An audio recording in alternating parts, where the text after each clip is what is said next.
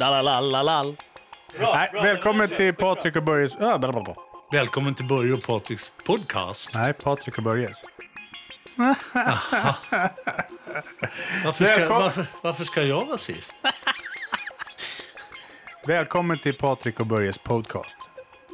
Nej, vi säger så här. Välkommen till Patrik och Börjes Podcast? varje torsdag. Ja. Nu är vi här igen.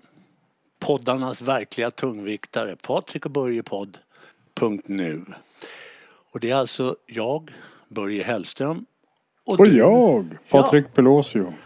och Mr Magic, vår producent och studiotekniker Luther Martin Kinto. Och det här programmet sänds då i det impulsiva formatet ADHD. I det här programmet idag är det jag som enhälligt fått välja vad programmet ska handla om. Jag var ju en av dem som var med och startade föreningen KRIS en gång 1997. Och vi började redan då i KRIS med att ta tag i ett förslag som vi befarade skulle kunna starta en ny drogek- drogepidemi i Sverige. Och så blev det, men det är ingenting som de så kallade experterna har uppmärksammat. Och det var bara för några månader sedan. De var bara för några månader sedan oförstående till varför så många, fler än vanligt, missbrukare, unga som gamla, hade dött under de senaste åren. De förstod inte. Men vi gjorde det på KRIS och det gjorde även ja, jag då givetvis och Patrik. Enkelt uttryckt så eh, såg vi att det kommit ut en massa nya droger på de illegala marknaderna. Bland annat då Subutex och Subuprofen som är narkotikaklassade droger och utskrivna av så kallade experter, läkare alltså. Men eh, för att göra det lätt för mig och för er som lyssnar så ska faktiskt jag låta Patrik få börja det här med att berätta om ett reportage han gjorde för några månader sedan som hette Statligt knark som är publicerat på vår webb-tv-kanal kontro.se där vi brukar publicera våra egna nyhetsinlägg med ljud och bild och givetvis. Patriks reportage handlade den gången om läkares legalförskrivning av narkotika till narkomaner. Och bara för att göra klart så pratar vi pratar bland annat om Subutex i det här. Eller Patrik pratar om Subutex i det här reportaget men det har man bytt ut nu mot något som heter Suboprofen och det är lika jävligt det som Subutex. Eh, varsågod Patrik, berätta om en läckande substitutionsbehandling. Ja, frågan eh, som, som jag fick och, och som jag började mm, fundera på om det verkligen stämde var att eh, unga killar och tjejer, alltså det pratar vi under 20-årsåldern och, och tidig 20-årsåldern höll på med eh, då Subutex som det kallas då när jag fick den här informationen. Och eh, de beskrev det vissa av dem som jag hade pratat med att det är ungefär 10 till 15 gånger starkare än heroin. Fast det står eh, kemiskt framställt heroin. Och eh, jag tänkte att det här låter ju, låter ju nästan, det, det lät inte för mig trovärdigt. För att jag hade hört talas om det här Subutex-programmet tidigare. Jag har haft gamla barndomskompisar som som har blivit hjälpta i Subutex-programmet. Men det alltså var gamla heroinister som kanske hållit på med heroin i tio år och, och man såg ingen utväg. Va? De var, var riktigt slitna och de fick då Metadon eller Subutex. Och fick ett liv som så att säga var bättre än det de hade. Eh, Men, men eh, så var det eh, unga som sa till mig, men det här Subutex, det får vi, vi får, vi får det utskrivet. Och det är jättelätt att köpa på gatan. Och då tänkte jag, men det kan ju inte stämma. Om det är så pass stark eh, drog och så beroendeframkallande så måste det ju vara bättre kontroll. Eh, men det sa de att det inte var. Så då tänkte jag, men du jag mig ut. Så jag gav mig ut på gatan med dold kamera. Och gick till eh, eh, Mariatorget eh, i Stockholm. Där du har beroendeenheten Maria Pool. Sen har du polisstationen 50 meter därifrån och så har du två apotek också 50 meter därifrån. Det är som så här, en liten fyrkant med två apotek, eh, beroendemottagningen och polisen. Och där sa de till mig att där säljs det hur mycket som helst. Jag tänkte det kan ju inte stämma. Så jag gick dit med dold kamera och så berättade jag då att jag hade en flickvän som eh, eh hade massa avtändningar och hon behövde då subbar eller så här ubåtar som det även kallas på gatuspråket. eh, språket. Och eh, jag fick direkt information om vart och när jag skulle komma. Och det var inte så här, du vet, som man tänker så här, kriminell droghandel, du vet, mörk gata, mitt i natten, sådär. Utan om man nej, kom hit vid åtta, halv nio på morgonen, eh, för då öppnar kliniken och då går alla upp och hämtar och förnyar sina recept och då är det bara att ta en beställning. Jag tänkte, men vadå, mitt på en vardag, mitt på morgonen? Japp. Så jag åkte dit dagen efter och eh, eh, och vart egentligen, var flera stycken som erbjöd. Men då var det en kille som dessutom satt i en rullstol. Så sa han, men jag ska upp och hämta min medicin, hur mycket ska du ha? Jag bara, men två stycken. Och så här, hon behöver bara tända av, jag visste inte riktigt hur det funkade. Och eh, så sagt och gjort, han gick och hämtade och jag köpte de här Subutexen.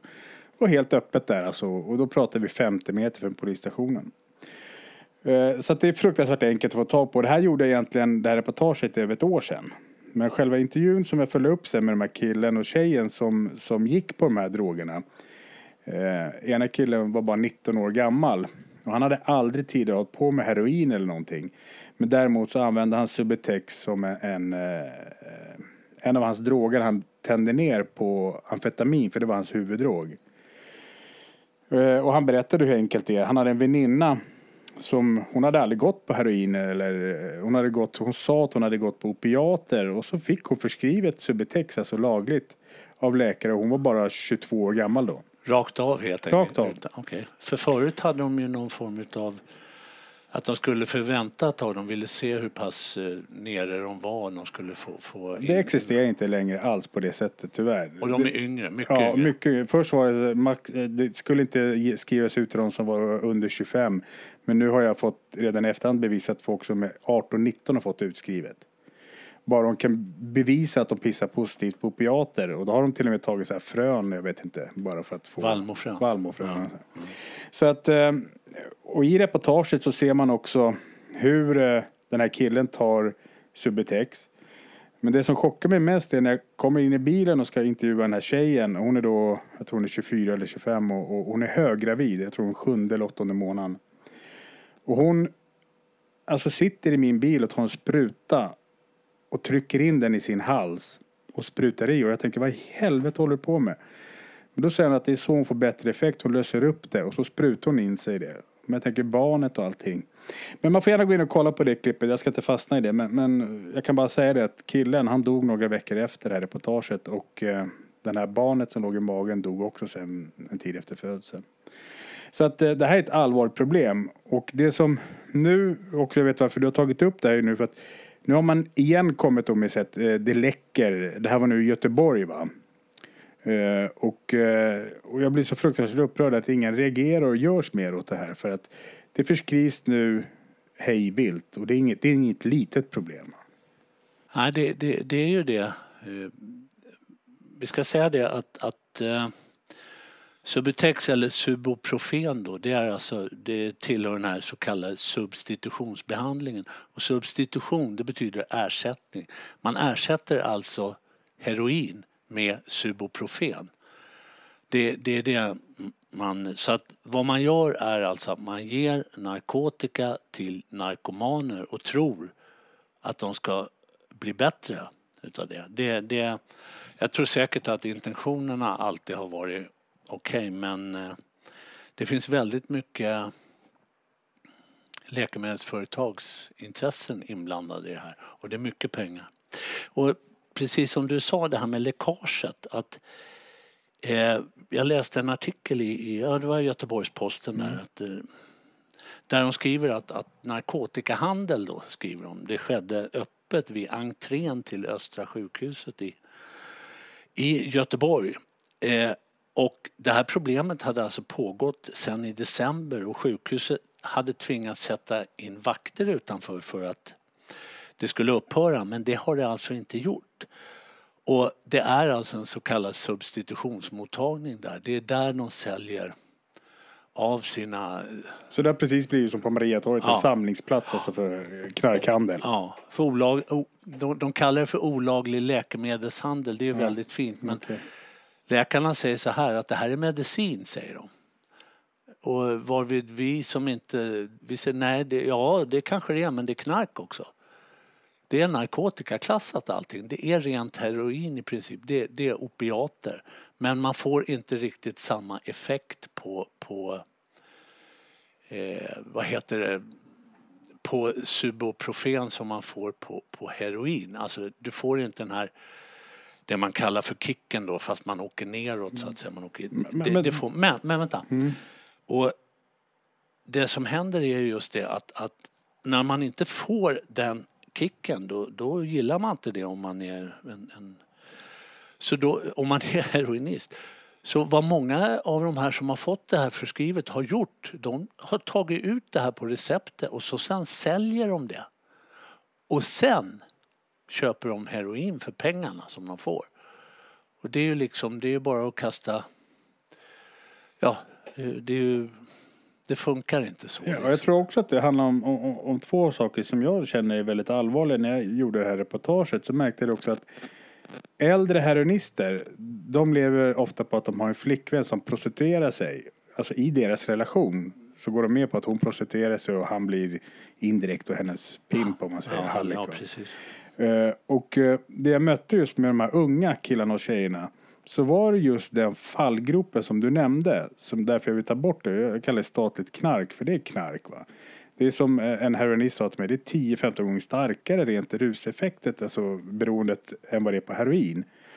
Eh, och då, då är det lättare för de äldre heroinisterna att lura på en ung tjej och säga det här är medicin, det här är en tablett. Det är mycket renare och fräschare och det är medicin och allting. Så då vågar den här unga tjejen ta det här än att kliva på kanske direkt att ta en, en spruta med heroin som man tänder på en, en sked. Det är mycket smutsigare, det ser mycket allvarligare ut än att få en tablett som ser ut som en huvudvärkstablett. Va? Så att de, får, de berättar själva att det är mycket enklare för dem att lura in unga tjejer i ett, hero, alltså i ett opiatberoende.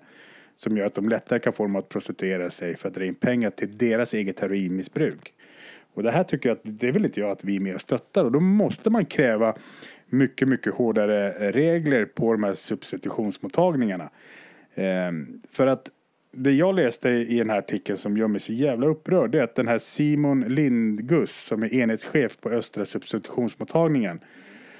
Han menar på att ja, men vi kan ju bara kontrollera det som sker inne på våra mottagningar. Jo, men fortfarande är det han och hans gäng som skriver ut och ger de här medicinerna, så kallade medicinerna till sina eh, patienter.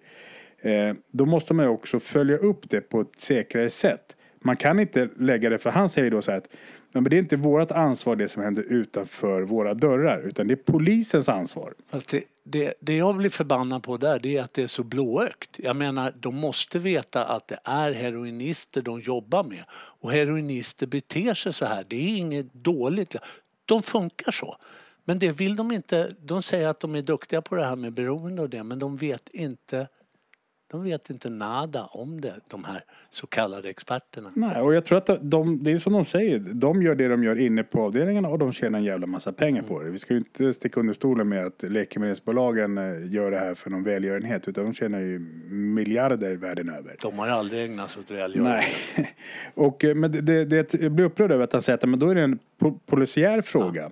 Och när man ställer frågan då till den lokala eh, polisen, eh, en av cheferna där, Ulf Merlander heter han, polischef i lokalområdet i, i nordost. Ja. Han säger att givetvis så ingriper vi vid brott när vi får in larm. Så egentligen borde ju de larma hela tiden som det sker öppet där. Men tydligen görs inte det. Därför är det en öppen droghandel där. Eh, Men vi har inte riktat gatulangningsgruppen. Så jag vet inte personligen hur mycket det är som, hur mycket av våra resurser som läggs för att jaga, som han säger, gamla läkemedelsmissbrukare. Och då blev jag väldigt förbannad och upprörd. Jag har ju mött, det är barn och ungdomar som får i sig de här drogerna och blir prostituerade och tar överdoser. Det är bara att gå in och titta på mitt reportage. Den här unga pojken blev narkoman på grund av att han var utstött i skolan. Han var mobbad under hela sin skolgång. Äldre narkomaner introducerade han till knarket. Det var första gången han kände någonstans, du och jag som gamla missbrukare vet ju hur lätt det är att fastna i det här. Och han får då de här så kallade läkemedel som gör en tokberoende och också lätt att överdosera när man blandar det med, eh, med andra bensodiazepiner. Och, och han är död idag va? Han blev 19 år. Det här barnet, som Ja. den unga flickan. Ja. Det är dött idag. Det är flera som dör. Vi begravde sex stycken ungdomar, alltså alla under 25 på Värmdö på mindre än ett halvår. Och att den här polischefen säger att ah, men det är ingenting vi prioriterar. Helvete, de dödar våra barn med våra skattemedel. Det är fan inte okej. Sen skiter jag om det är så att 20 heroinister blir räddade. Man måste ställa högre krav. Vi kan inte tillåta att ett enda jävla barn dör av läkemedel som, eh, finansieras med våra skattemedel. Så vi lägger inte resurser på det med, med gamla eh, läkemedelsmissbrukare. Jävla skit. Det, det här läkemedlet är starkare än varenda jävla gatudrog jag har tagit i hela mitt liv. Jag har alltså träffat, jag har träffat tjejer som var tvångsomhändertagna för att de skulle komma ur sitt su, då Subutex-missbruk. Den yngsta där var 14 år. Och det är liksom... Det är too much. Ja, och, och det är flera av dem som jag pratade med som har eh, så att säga, kommit ur ett Subutex-missbruk.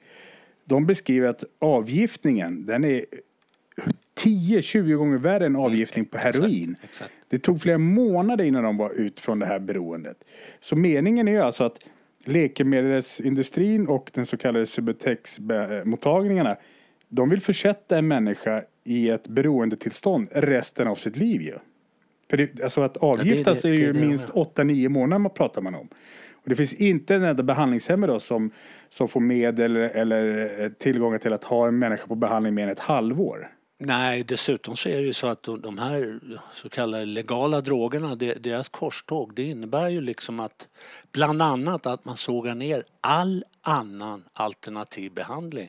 Till exempel tolvstegsbehandling och, och, och det innebär att när de väl kommer komma underfund med att det här inte funkar, då har många tilldött så att säga på grund av att det, det, det funkar inte. Man, man dör ju fortfarande av överdoser. Det sa de att man inte skulle kunna göra då om man eh, tog eh, su- Subuprofen. Men blandar du Subuprofen ihop med något annat som neråt, alltså Läke, alltså ja, bensodiazepiner. ja, bensodiazepiner, då är det stor risk att du får en Och då slutar de överdos. andas helt enkelt. Och, men det har man inte pratat någonting om, det berättar man inte om. Därför att de säger att det är inte det är våra patienter, de ska bara ha det här. Men vi vet ju gatumissbruket bland de här ungdomarna är ju blandmissbruk. De tar marijuana, hasch, kokain, amfetamin, eh, bensodiazepiner, subte- eh, subuprofin, vad de kallar det. De tar ju allt de kommer över. Och ni, ni som lyssnar på, på det här, ni, ni enkelt uttryckt, det här kommer växa ännu mer. Det kommer bli större och större ända tills de inser vad det är de har gjort. Och jag, Och jag jag, håller med Patrik där. Jag vill inte att fler ungdomar ska dö. Jag vill inte att fler missbrukare ska dö heller för det är en jävla skitdöd att dö. dö. nej, men jag, jag, det sa jag också när jag gjorde alltså Jag är inte emot att man hjälper gamla heroinister. Jag har gamla personliga vänner som blev hjälpta. Men de eh, har ju förbrukat sin rätt anser jag ju när, när inte de här Subutex-mottagningarna kan hantera eh, det som spills utanför. Va? Det, det måste man ta ett större ansvar ifrån. Men sen också, jag kan berätta det, jag mötte en kvinna nere i Almedalen som var med och startade och godkände hela det här Subutex-programmet för, vad är det, 15-19 år sedan. Det är väldigt många år sedan på Maria. Ja, början på 2000-talet, 1900. Ja, 15 år sedan tyckte hon sa till mig. Ja. Det stämmer. Och eh, hon säger till mig, idag med facit i hand så skulle jag aldrig ha godkänt eh, den här metoden. Och hon var ändå med och beslöt om att ta fram det här. Och hon säger att idag skulle jag. Och jag har lovat henne att inte säga hennes namn. Men, och det, respekt, det, det kommer jag hålla Ja. också. Men det är en som var med och drog igång hela grejen. Eh, och det som hon också säger är ju också att det hon har sett nu också, som jag har sett, som vi, du och jag har pratat också om, det är ju andra eh, narkotikaklassade läkemedel som ADHD-medicinen. Som också har blivit en gatudrog. Det sa jag för fyra fem år sedan när jag gjorde ett mindre reportage. Att det här kommer också bli en gatudrog. Och det är faktiskt de två vanligaste drogerna nu som säljs på Plattan är just läkemedelsklassad narkotika. Statliga droger. En statlig drog som finansieras med dina och, och, och folkets skattemedel. Jag tänkte, man går in, går in på en grej som, som du pratade om där förut som, som jag tycker är väldigt viktig. Men vi menar ju på så här, både Patrik och jag har jobbat med behandling mer eller mindre. Och, alltså, det är ju så här, om du är beroende av någon drog, kemiskt preparat eller alkohol, vad det än må vara, så är det också anledningen till kort varför man missbrukar det är att man egentligen vill förändra sina känslor. Det, det är det. Sen när man väl har lärt sig hur man gör då är man oftast fast i ett missbruk. Men beroendet i sig är ju det som är problemen för att eh, när du tar drogerna då känner du inte äkta känslor längre efter utan då känner du kemiska känslor. Mm. Och ska man då jobba med underliggande trauman och sånt som det de flesta missbrukare faktiskt har då kan man inte jobba med en missbrukare som är påtänd. Det går inte. För det, det kommer upp alltså känslor som egentligen inte finns mer än i honom då. De är kemiskt betingade. Och det är det som är problemet. Och det är därför vi menar på att, att eh, om man hade hållit det här till exempel i tre, fyra månader en substitutionsbehandling samtidigt som man då jobbar med att prata, även om man inte når på det sätt som man ska göra då, eller brukar göra genom att, att samtala så i varje fall så påbörjar man någon form av samtalsterapi som faktiskt är det som verkar bäst som fungerar bäst helt enkelt. Men det vill man inte utan det är precis som man har gett upp.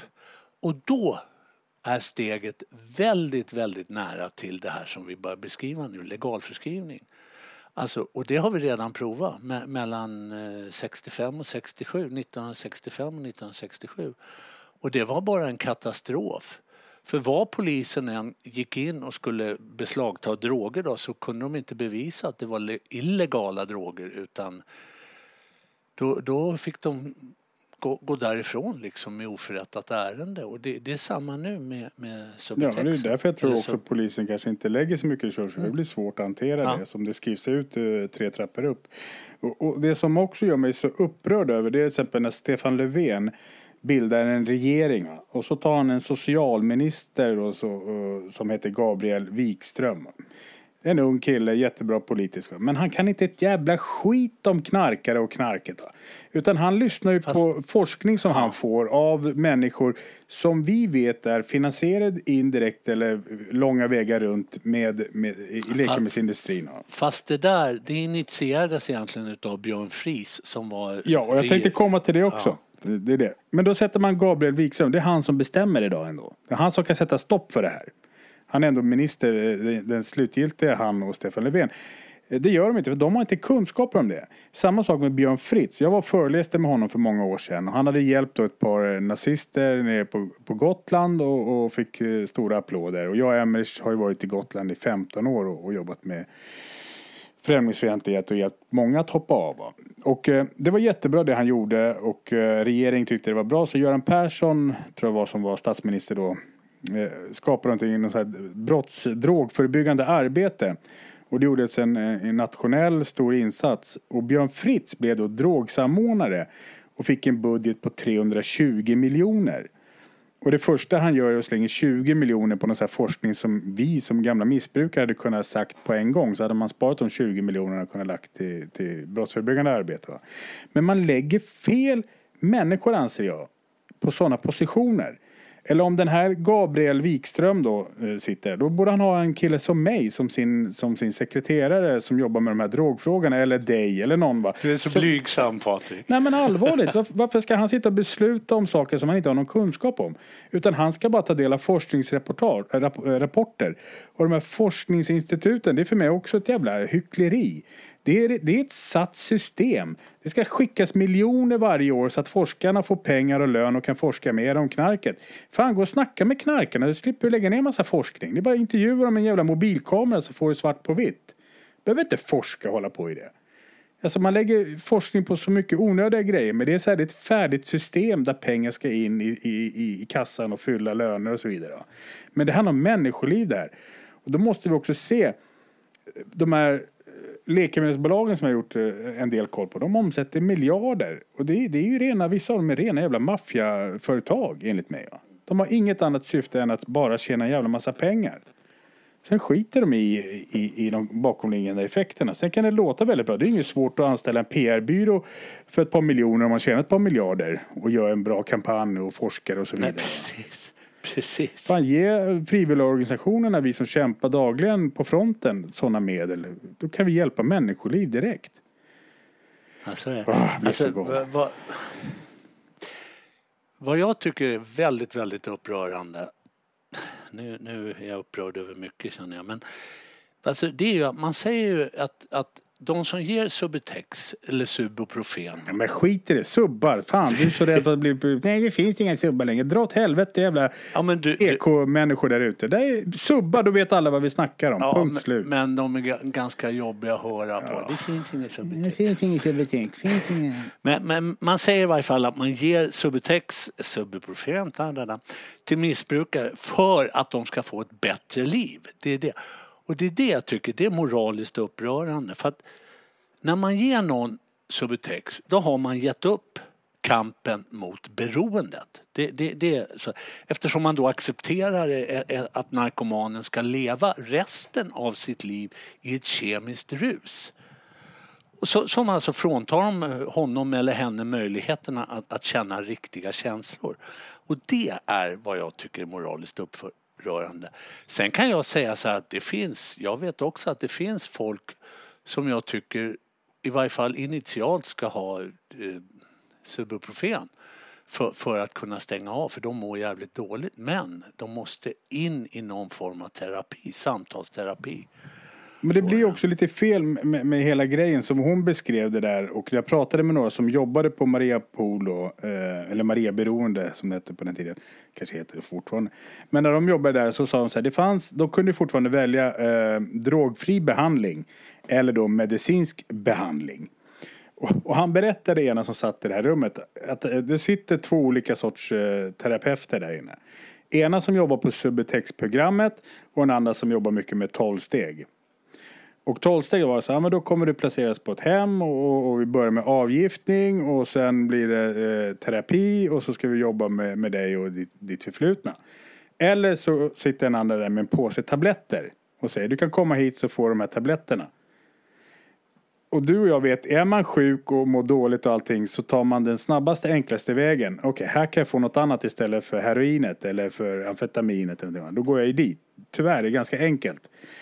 Dessutom, att det, och då sa man så här. Jo, eh, vi gav ju missbrukarna valet att antagligen ta eh, drogfri behandling eller medicinsk behandling. De valde de flesta medicinsk behandling så därför la vi ner många drogfria behandlingar eftersom missbrukaren själv ville ha medicinsk behandling. Och det är för mig ett jävla hyckleri också. Va? Det är för att eh, eh, drogfri behandling kostar initialt lite mer. Så att då, då väljer man ju ofta den som eh, eh, viftar med påsen. Och det sa hon också var så här eh, jävligt fel initial då när man började. För att det, det, det, det är ju det som är så att säga den, den, stora lögnen. För att Subutex, det botar inte. Det botar inte beroende. Däremot man brukar säga att det är symptomdämpande då. Det, det är visst. Men då är det också sjukdomsberoende så att säga. Det, det, det ena går, går i varandra där. Och det här vet också den narkoman då, eller heroinist som, som får det här erbjudandet. Men tack vare den här vad ska jag säga, maktlösheten då som den här personen har gentemot avtändning, drogsug med mera så är Subutex, så är Metadon, Benzo, alltså råhypnol till exempel, det är oftast ett ganska välkommet alternativ för just narkomaner. Och det kallas för att medikalisering. Det kallas för att man medikaliserar så att säga behandlingen. Och det har funnits i alla tider men forskaren då, psykiatrin i, i det här fallet, har nu ju upptäckt en ny, ganska snabbt växande målgrupp för de här för subuprofener, nämligen narkomanerna.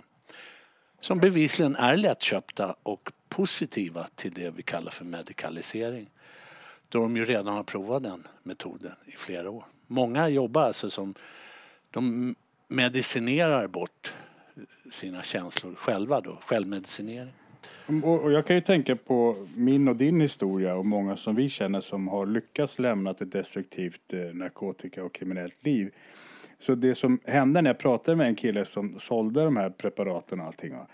Han sa att visst, jag har gått över till eh, medicinska droger. Eh, det gör att jag inte gör så mycket kriminellt längre. Men det är fortfarande samma kickar, det är samma. Jag hittar på, jag dealar, jag fixar, jag håller på och trixar, jag möter upp människor. Så hela den kriminella livsstilen är ju kvar, bara att han håller på nu med eh, mediciner då istället för eh, gatudroger. Och han säger att det är mycket mindre chans att jag åker fast på det här än om jag sålde heroin på Plattan eller amfetamin. Va? Men, och det menar jag med att det här kriminella beteendet, levernet, har han ju fortfarande kvar. Det är det som du och jag lyckas bli av med när man går in på en drogfri behandling så får du ett socialt nätverk, du får nya vänner, du får friska vänner som inte är inne i sjukdomen. Då kan du också börja bearbeta bort det här kriminella beteendet som också är en sorts beroende. Va? Snabba pengar och rus och kick och sånt. Va? Det blir du inte av med på det här sättet utan där har du ju missbruket kvar. Jag pratade med en, eh, det är några år sedan, en polischef om just det här och han, han trodde att eh, ja, men, eh, brotten minskar ju när de får de här legala drogerna då, eller då heter det Subutex mm. och så. Gör de det, sa jag. Det är väl bara det att det kanske, ni får inte in lika mycket anmälningar på att det är narkomaner som har gjort. De kanske dels har blivit smartare, lite försiktigare för att de har. Men det som är intressant är att de drivs fortfarande utav kriminaliteten. Det är precis som du sa, det är en livsstil för många av dem. Men det är också en, ett, en form av ett beroende. Inte lika, sjukdoms, inte lika mycket sjukdom som drogberoende. Och, och, och men det, kriminalitet är verkligen en drog. Alltså det, det ska man veta. Jag, tyck, mm. jag tycker det är tragiskt att man inte kan se det här. För att återigen, det är ganska många människor som kommer gå till spillo för att man inte vill se problemen för vad de är. Alltså, det är ett problem det här, men nej. Jag, jag, kan bara göra, slå, slå ett finger för en otroligt häftig eh, undersökning som ett gäng gjorde. Och det handlade om råttor. Jag tycker det beskriver väldigt väl det här. Då hade man två råttor i två burar. Eh, eh en sån här glasbur med en råtta i och en glasbur med en annan råtta i. Och ena, eh, i båda burarna så fanns det en, eh, en sån här vet du, vatten, så de dricker vatten ifrån. Råttorna. Ena var det ren vatten i, det andra var det vatten med kokain i. Det fanns i båda de här eh, burarna. Och eh, båda de här råttorna eh, upptäckte ju vattnet med kokain. De slurpade i sig det hela tiden. Det var det enda de gjorde. Så tog man båda de här råttorna eh, och så flyttade man över ena till lite större bur. Men fortfarande kal, ensam. Och fortfarande en kran med vatten och en kran med vattenkokain i. Han fortsatte knarka på den här råttan som fan. Den andra råttan placerade man i ett som man kallar råttparadis. Det var en stor bur med massa andra råttor. Med tunnlar, med grus, med jord och klättergrejer och god mat och frön och allting. Och så fanns den här vattenkranen med vatten och vattenkranen med kokain. Den råttan slutade med kokainvattnet. Den fick ett liv, den fick mening, den fick brudar, den fick vänner och då slutade den knarka. Det tycker jag säger ja, en hel del. Det är jätteintressant. Jag skulle kunna gå in och ifrågasätta den där studien också men det gör jag inte för att jag tror mer på utfallet av den än jag tror på icke-utfallet av den så att säga. Så att det, en annan grej som man ofta hör när det gäller det här med Subutex, Subuprofen, det, det de påstår att det räddar liv. Och I varje fall som jag ser det så det, det är inte sant. Jag ska inte säga att de ljuger medvetet men det är inte sant. För att, vad, vad... Deras siffror ljuger säkert inte för de vet ju vilka siffror de vill ha fram. Ja, eh, det, det är så man gör när man ja, beställer det, en undersökning. De här unga killarna och tjejerna som jag har jobbat med och som jag har varit med och begravt. De finns inte med i den statistiken. Fast de dog av de här preparaten. Bland Precis. Men just det här med att det, det förlänger deras liv, det är inte sant. För att, eller att det, det räddar liv, det är inte sant. För att Subutex, alla fall som jag säger, det förlänger bara den här narkomanens lidande. Det, han, får, han, eller hon får stanna kvar i, i ett aktivt beroendetillstånd. Och det är ett livsfarligt tillstånd, mm. framförallt om du håller på med opiater, heroin och morfin och så. Du kan dö när som helst i princip då. Så vad har vi för förslag då? Vad tycker vi man bör göra? Jag har ju kommit med ett förslag och det är att Gabriel borde anställa mig som sin eh, andre man.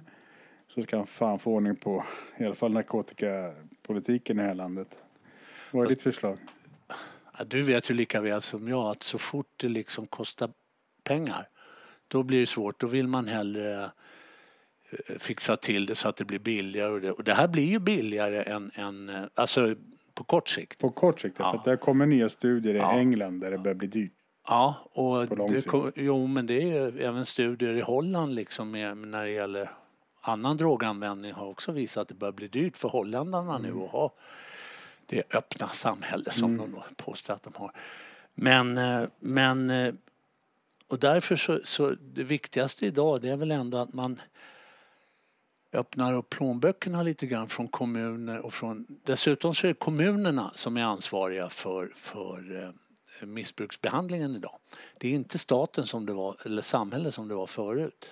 Utan det är kommunerna och där tar man andra politiska hänsyn än vad man gör faktiskt i, i samhället. Jag tycker nog att man skulle ta tillbaks så att det är samhället, staten som, som har hand om missbruksvården och, och eh, men... Eh, ja, för det blir alltid så lätt tycker jag i många sådana nej, frågor nej, men, där, där, jag, jo, men där ministrar och sånt säger att det är upp till kommunerna att fatta beslut. Vi ger riktlinjer. Men vad fan ska vi då ha en, en regering? Vad gör de då?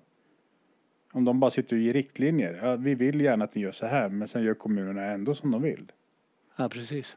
Nej, jag, jag, som jag sa. Och dessutom så blir det, blir det, finns, det är så mycket absurt i det här. Jag menar, vi har faktiskt skapat en lag som säger att det är olagligt att ha narkotika i kroppen. Alltså, men ändå så ger man, låter man läkarna skriva ut Subuprofen, Subutex så, som de då sväljer och käkar. Och det är olagligt det men det åker de inte dit för. Alltså fast de har olagliga eh, substanser i blodet då.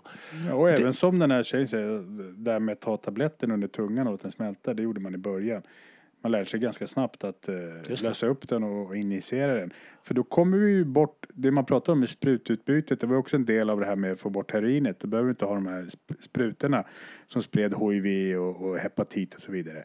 Men nu sitter de fortfarande och byter sprutor. Alltså den här killen, om du tittar på det här reportaget som jag gjorde på kontre.se. Patrik, jag har, jag har sett det. Ja, med statligt knark med fel lyssnare. Så hör vi hur den här killen desperat säger till den här tjejen. Kan jag få låna dina verktyg? Ska jag få låna din spruta? Och hon säger till honom, jag har hepatit. Han bara, men det skiter jag i. Alltså. Och, jag, och hon och jag stoppar honom, men hallå lägg ner. Och då, pra, då pratar vi om C-hepatit. Och den är lite värre än både B och A-hepatit. Och de var så pass unga. Ja, han, han var 19 och hon är 23 eller 24. Och, och det är alltså, idag är det en, en, en lek med döden att hålla på med det här. Det, jag tycker inte om att moralisera men det här är livsfarliga droger som man dör av. Jag, jag har, det har Patrik också, ett antal vänner som har gått under utav droger och det behöver inte bara vara alltså heroin eller så utan det är andra droger också och konsekvenserna av drogintaget har de också dött av. De har kört ihjäl sig i fyllan och villan eller påtända och elände.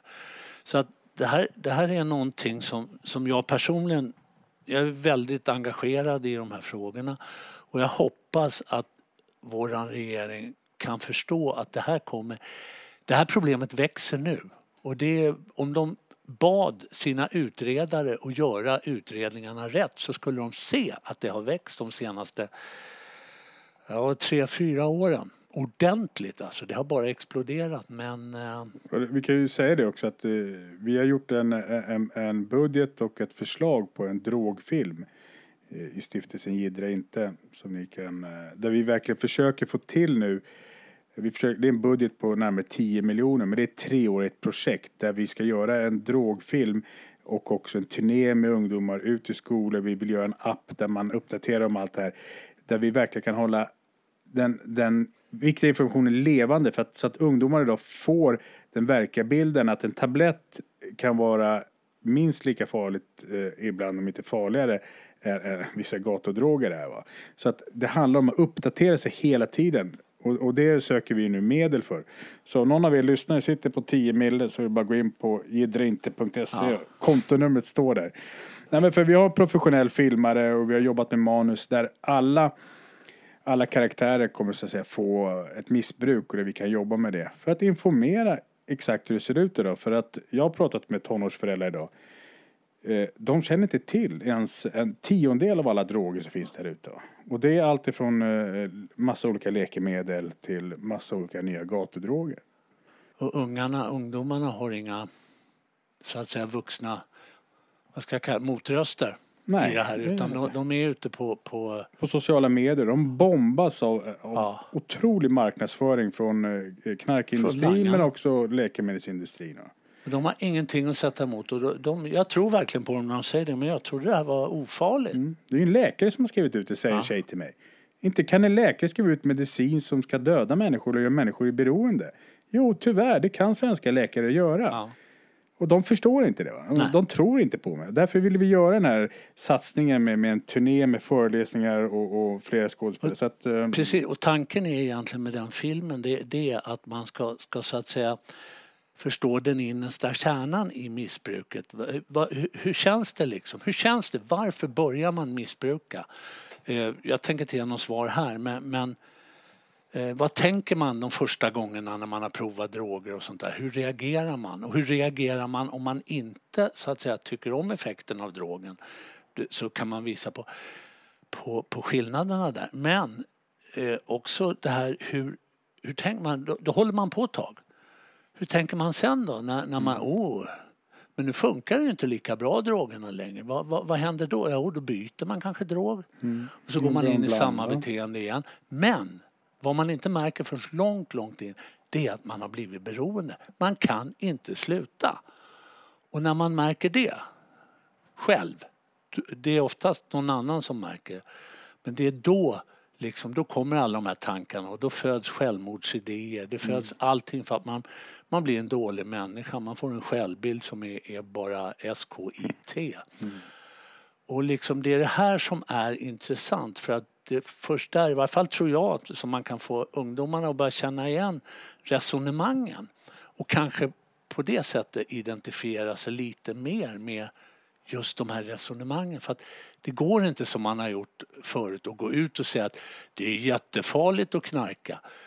Jag menar, jag, jag har varit 16 år och suttit i, i en aula, skolaula och så har det varit en gammal pundare där uppe, riktigt fladdra överallt den här och, och tala om hur, hur jävligt det var och allting. Och min enda tanke när jag såg honom det var där uppe ska jag stå om 10-15 år. Liksom. Jag, vill, jag ville alltså bli dumpundare som jag kallar det för.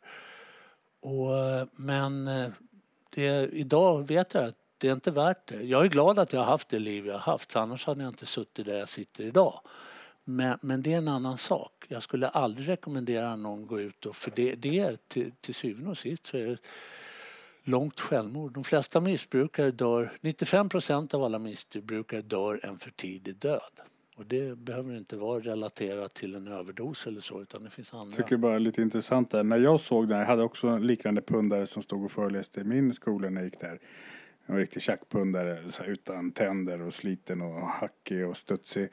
Och så tänkte jag bara, det där är en svag människa. Misslyckad. Han vet inte hur man knarkar. Jag har bättre metoder. Det är jag kommer aldrig bli sådär. Det är också ett sätt att, men du och jag var ju liksom samma andas barn. Vi hamnade ju där vi hamnade av en anledning och vi tänkte ungefär likadant ser jag. Och det är därför som jag brukar säga, och det, det är fel, visst Eh, man ska nå alla ungdomar med den här informationen men jag menar på att det behövs inte för att de flesta ungdomar är, är normala ungdomar, kloka och, och, och de vet att det, nej men droger måste man passa sig för och, och de lyssnar, det, det vet jag. Men sen har du de här 6-8 procenten som det kommer gå åt helvete för. Och det är de som man behöver nå i första hand för att man ska få en, en, en, ett resultat. Sen vill inte jag på något sätt frånta de andra ungdomarna rätten att få bra droginformation för det, det kan också vara avgörande. De blir ju äldre. Och bara för att man blir äldre behöver man inte bli klokare. Man kan bli, titta på mig, jag blev mycket dummare när jag blev äldre. Ja, Men jag, bara, jag kan tänka att vi kanske ska avsluta podden Mm. med att eh, jag, jag, jag tänkte på det, en partikamrat till dig. Eh, det var stora nyheter om honom på tidningen, det var så här första löpsedeln. Eh, din socialdemokratiske Jan Emanuel. Det stod att han skulle sälja sin lyxlägenhet eh, och han ville egentligen sälja den lite billigare för han var inte ute efter pengarna. Och då tänkte jag så här, då, men fem miljoner här eller där spelar ingen roll. Då kan, ju, kan inte du nämna det till honom eller någon av er som hör att de där fem miljonerna hade täckt halva den här filmen för att kunna rädda människoliv. Så att Jan Emanuel, ta fullt betalt för lägenheten. Och det du inte vill ha kan du skänka till stiftelsen Gidra inte så vi kan i alla fall börja jobba med den här filmen. Så jag tänkte, och du är ju sosse, ni är två fast jag, jag håller med dig Patrik. Även fast jag också är sosse så det tycker jag med att han kan göra. För han har ändå lyckats eh, väldigt bra och hjälpt många människor. Men att eh, ge inte de där mäklarna det utan trissa upp priset och, och skänka överskottet till stiftelsen. Han är en av få sossar jag känner som är riskkapitalist också. Ja, ja men det är bra. Så det, Jag hoppas du hör det här John. Ja, men, eh, ja, men då tror jag nog att, eller tror, jag vet, då avslutar vi här och eh, tackar för oss och, och eh, jag hoppas ni har fått något av intresse i varje fall här när vi har fått vika ut oss lite, jag och Patrik, i en fråga som vi båda två är väldigt berörda av. Och det här programmet sänds Patrik Börje podd. Punkt nu är det, jag sa SC i början tror jag. Jag har aldrig rätt. patrikbörjepodd.se, det sänds Nej.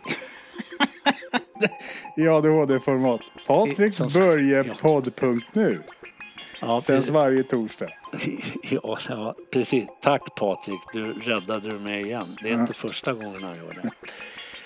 Ja, ja, men det är trevligt i varje fall. Tack så mycket Patrik Tack, hörs nästa vecka. och tack mig själv. Ha det gott alla lyssnare där ute. Vi ses nästa torsdag, eller hörs. Adjö!